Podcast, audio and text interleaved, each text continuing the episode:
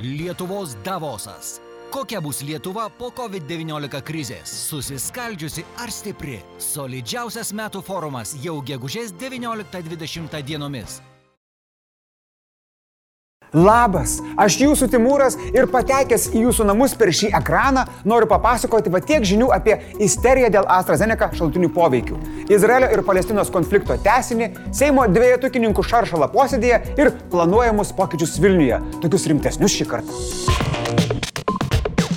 Pasirodžiusi valstybinės vaistų kontrolės tarnybos informacija apie užregistruotas nepagėdavimas reakcijas į AstraZeneca Vagzervė vakciną sukėlė šaršaliuko, bet jį išsklaidė sveikatos apsaugos ministerija. Atsižvelgiant į Europos vaistų agentūros rekomendacijas bei epidemiologinę padėtį šalyje, nuspręsta tęsti skiepijimą šią vakciną tokia pačia tvarka. Arba, kaip sakė kanclerė Jurgita Grebenkovienė, šios vakcinos nauda kovojant su koronaviruso infekcija ir jos plitimu e, viršyje visas rizikas. Naujausias Airijoje atliktas tyrimas rodo, kad vienu milijonu šią vakciną paskėpytų gyventojų tenka keturi na, gal dešimt itin retų šalutinių poveikių ir tik viena vienintelė mirtis. Jei jau esate gavę pirmą Vagzervio dozę ir dabar galvojate gauti kito gamintojo antrą skiepą, tai nėra gera mintis. Tyrimas rodo, kad suaugusieji, miksuodami Vagzervio ir Pfizer vakcinas, jaučia stipresnius šalutinius poveikius. Gali pasireikšti šaltkritis, galvos ir raumenų skausmai. Na, panašiai kaip kitus dalykus maišant penktadienio vakarą. Ai, va, pažiūrėkite patys. Mėlyna spalva yra galvos skausmas nemaišant, o raudonas maišant. Arba štai šaltkritis. Nu, nežinau kaip jūs, bet aš labiau norėčiau tų mėlynų simptomiukų. O kadangi valdžiai mes rūpim, nes kažkas juos turi rinkti, tai eksperimentuoti neleis nenumato tokios galimybės, kad antra, vak, e, ant, antra vakcinos dozė galėtų būti kito gamintojo. Be to, profesoriaus Vytauto Usonio teigimu, antroji Zenekos dozė yra gerokai, gerokai saugesnė. Skiepijant Vakzerviją rekomenduojama tarp dozių daryti 12 savaičių pertrauką. Tačiau galima antrą dozę skirti ir anksčiau. Lietuva lieka tarp 10 ES šalių, kurios netaiko papildomų amžiaus ribojimų šiai vakcinai. Neseniai prie šio sąrašo prisijungė ir Vokietija. Manęs ši žmonių reakcija į faktus niekiek nes nestebina. Hebryta, žiūrėkit. Milijonas skiepų ir tik vienas kritinis atvejis.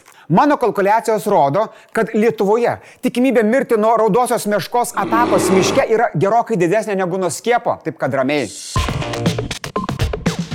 Iš artimųjų rytų jokių gerų naujienų. Toliau tęsiasi ginkluotas konfliktas tarp Izraelio ir palestiniečių. Tačiau dabar jis išsiplėtė į du frontus - tarp Izraelio ir Hamas kovotojų gazos ruožė, bei tarp arabų ir žydų Izraelio miestų gatvėse.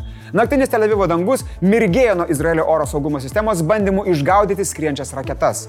Gazos ruožė Hamas leidžia šimtus raketų, o Izraelis atsakinėja šimtais aviacijos smūgių. Per pastarąsias dienas žuvo 83 žmonės, dar beveik 400 žmonių sužeisti. Izraelija žuvo 7 žmonės. Dėl neproporcingo atsako kaltinamas Izraelis teisinasi, kad taikosi specifiškai į karinius taikinius. O Izraelio gatvėse tęsiasi susitarimai tarp arabų ir žydų. Niokojami pastatai, padeginėjamos sinagogos. Gatvėse prasidėjo arabų linčiavimas. Į tai sureagavo ir Izraelio vyriausybės vadovas Benjaminas Netanjahu. ושום דבר לא מצדיק לינץ' של יהודים בערבים. אנחנו לא נקבל את זה. זה לא אנחנו. Siunčiamos papildomos pajėgos suvaldyti situaciją. Pasaulio lyderių pozicijos išsiskiria. JAV blokavo Junktinių tautų saugumo tarybos bendrą pareiškimą, argumentuota, kad užtenka posėdžio sušaukimo. O vėliau prezidentas Joe Bidenas pareiškė, kad Izraelis turi teisę gintis. Rusija paprašė skubiai susitikti kartu su JAV, Junktinėmis tautomis ir ES. Junktinės karalystės premjeras Borisas Johnsonas paragino konfliktuojančias pusės parodyti santūrumą. Nei Izraelis, nei Hamas nerodo noro tartis. Pirmieji sako, kad čia tik pradžia, o antrieji esą pasirengę konflikto eskalavimui. Na, neramumus pakurstė Izraelio teismo sprendimas, kad kelios palestiniečių šeimos turi būti iškeldintos iš aneksuotos rytų Jeruzalės. Tai išprovokavo protestus, o vėliau ir smurtą, kurio Palestina ir Izraelis neregėjo keletą metų. Šiandien Seimo posėdėje buvo karšta. Parlamentarai kibo vienas kitam į atlapus, kai buvo atmestas darbo partijos atstovės Jėvos Kačinskaitės Urbunienės pasiūlymas į darbo atvarkį įtraukti rezoliuciją dėl tradicinės šeimos stiprinimo. Rezoliucijos projektą dėl tradicinės šeimos stiprinimo 14P 481. Registravosi 117, balsavo 115, už, už 46, prieš 44, susilaikė 25, taigi neįtraukta į darbo atvarkę. Aišku, dokumentų siekima buvo palaikyti ir šeštadienį vyksianti didįjį šeimos gynimo maršą. Kai tik rezoliucija buvo atmesta, prie mikrofono pasisakyti atbėgo panašios nepriimtos rezoliucijos autorius Seimo narys Petras Gražulis. Mano rezoliucija krikščionim demokratam netiko. Per konkreti, per aštri, per tiesi. Pasiūlė darbiečiai aptakesnę rezoliuciją. Ko dabar jums, krikščionys demokratai, aš jau nekalbu apie nelaisvės partiją, netinka šitą rezoliuciją? Konservatorius gintis stojo parlamentaras Audrius Petrošius. Negaliu neatsakyti kolegai, kuri žodžiais, bet nerealiais veiksmais tas tradicinės šeimos vertybės gina. Tai visi mes esame už tradicinę šeimą, tačiau rezoliucijoje buvo įlūta, kad mes palaikome šeimos maršą. O šeimos maršo Petrošius nepalaiko, nes mano, kad tai nėra graži ir taikiai piliečių iniciatyva. Kodėl? Nes toks vienas plikas maršo organizatorius grasino apsilankyti pas Seimo narių vaikus ir kai ką jiems įduoti į dantis. Galiausiai prie mikrofono stoja Kestutis Masiulis. Šis ironiškai padėkojo Petrui už jo rūpestį dėl tradicinės šeimos išsaugojimo ir pasakė nesuprantantis, nuo ko tą šeimą reikia ginti. Kitą mėnesį švęsiu 40 metį, kaip gyvenu uh, toje pačioje šeimoje. Uh, tai man ta problema yra sunkiai suprantama. O tada įžeidė darbiečius pasakęs, jog partijoje sunku atrasti kažką dar tebe gyvenantį tradicinėje šeimoje. Ir čia prasidėjo. Vėl stojo Petras. Jūs skaičiuokite savo, prisiminkit, kaip jūsų dvasinis lyderis nuvilėjo nuo Sakolo žmoną. Tada ant kestučio šaukė praeitie teistas darbėtis Vytotas Gapšys. Ir įžeidė jisai visus mūsų frakcijos narius, kurie gyvena šeimoje ir po dešimtmetį, ir po daugiau. Todėl tegul jis neįsivaizduoja, kad jis yra vienintelis ir išskirtinis Lietuvoje. Darbėtis ragino Masiulį atsiprašyti. Šis atsiprašė. Skardžiu įžeidžiau ir ką ten dar. Uh gapši, labai tyrą žmogų, tai atsiprašau.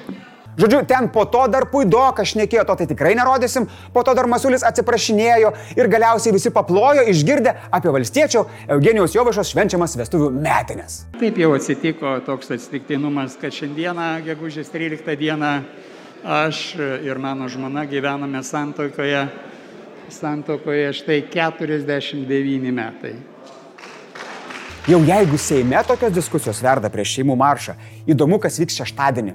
Įdomu ir pareigūnams. Todėl jie renka paėgas ir tikisi, kad dalyviai elgsis kultūringai ir laikysis galiojančių teisės aktų. Nu, laukia tikrai įdomus savaitgalis, kaip matau.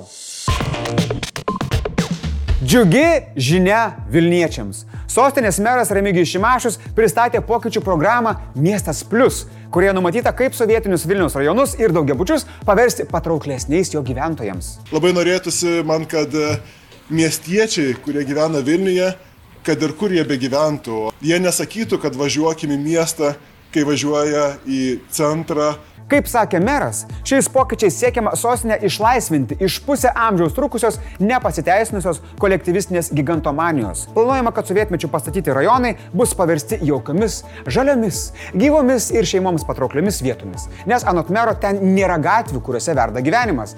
Jis pastebėjo, kad tokios savokos kaip įėjimas į kiemą ten nėra. Kiemai ten nebent automobilių stovėjimo aikštelės. Kaip teigia Šimašius, renovuoti daugiabučiai irgi netampa viešųjų erdvių centru. Nors išorė apsiūta gražiai, daugiau niekas nepakeista. Į tai dėmesį atkreipia ir vicemeras Valdas Benkunskas. Taip, jie yra tenais aptvarkyti, energetinės sąskaitos yra mažesnės, bet didelės laimės gyventojams jie nesuteikia. Jo teigimu gyventojams bus siūlomi tipiniai projektai, kurie leistų namus pakeisti taip, kaip būtų patogu ir nekeltų grėsmės, o bendrasias erdvės tvarkyti pagal bendrą standartą. Net nebejoju, kad žinote kaimyną, kuris be leidimo pradėjo remontuoti namus ir susipyko su visais aplinkiniais, nes namas pradėjo skilinėti. Tai va tokius dalykus bus siekiama sumažinti. Remigijus Šimašius paminėjo, kad gyventojai bus kviečiami tvarkytis ir jiems bus siūloma pagalba.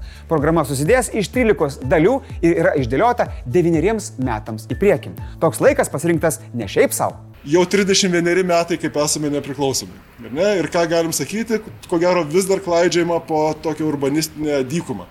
Tai, na, dėl ko 9 metai, jeigu Mozė užteko 40 metų išvesti žydų tautą iš, iš Egipto nelaisvės ir atvesti į tikrai pravalytą pravalius ir protą, ir, ir manieras, ir visą kitą į tikrai geresnį gyvenimą, tai ir mums turbūt 40 metų turėtų užtekti. Taigi Vilniečiai, dar 9 metai dykumoje ir pasieksime oazę. O ten jau gal net stadionas stovės. Tai anksčiau netgi negu po 3 metų susirinkti stadioną. Blitz naujienos. Ant Everesto žuvo du alpinistai iš JAV ir Šveicarijos. Tai pirmosios šiemetinio kopimo sezono aukos. Abiejų žuvusių palaikai bus nunešti žemyn pagerėjus oro sąlygoms. Lietuvoje galiojanti tvarka, kai kartu su biudžeto įstatymu priimti mokesčiai gali įsigalioti greičiau nei po šešių mėnesių, prieštarauja Konstitucijai. Konstitucinio teismo teigimu, tokia teisėkros pagrindų ir mokesčių administravimo įstatymų nuostata prieštarauja konstitucinėms teisinės valstybės ir atsakingo valdymo principams.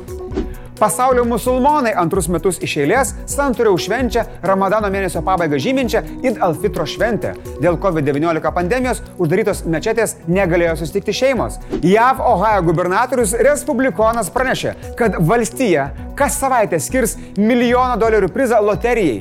Penkias savaitės truksančioje loterijoje gali dalyvauti bent viena vakcinų doze nuo COVID-19 pasiskėpę pilnamečiai gyventojai. Naktimis dabar lietus barbena į palangės. Gali pradėti vaidentis, ar gali būti sunku miegoti.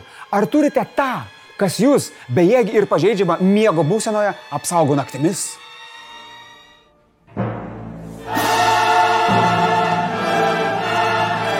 Pirmadienį čia stovės Irma, gero jums savaitgalio, tiek žinių.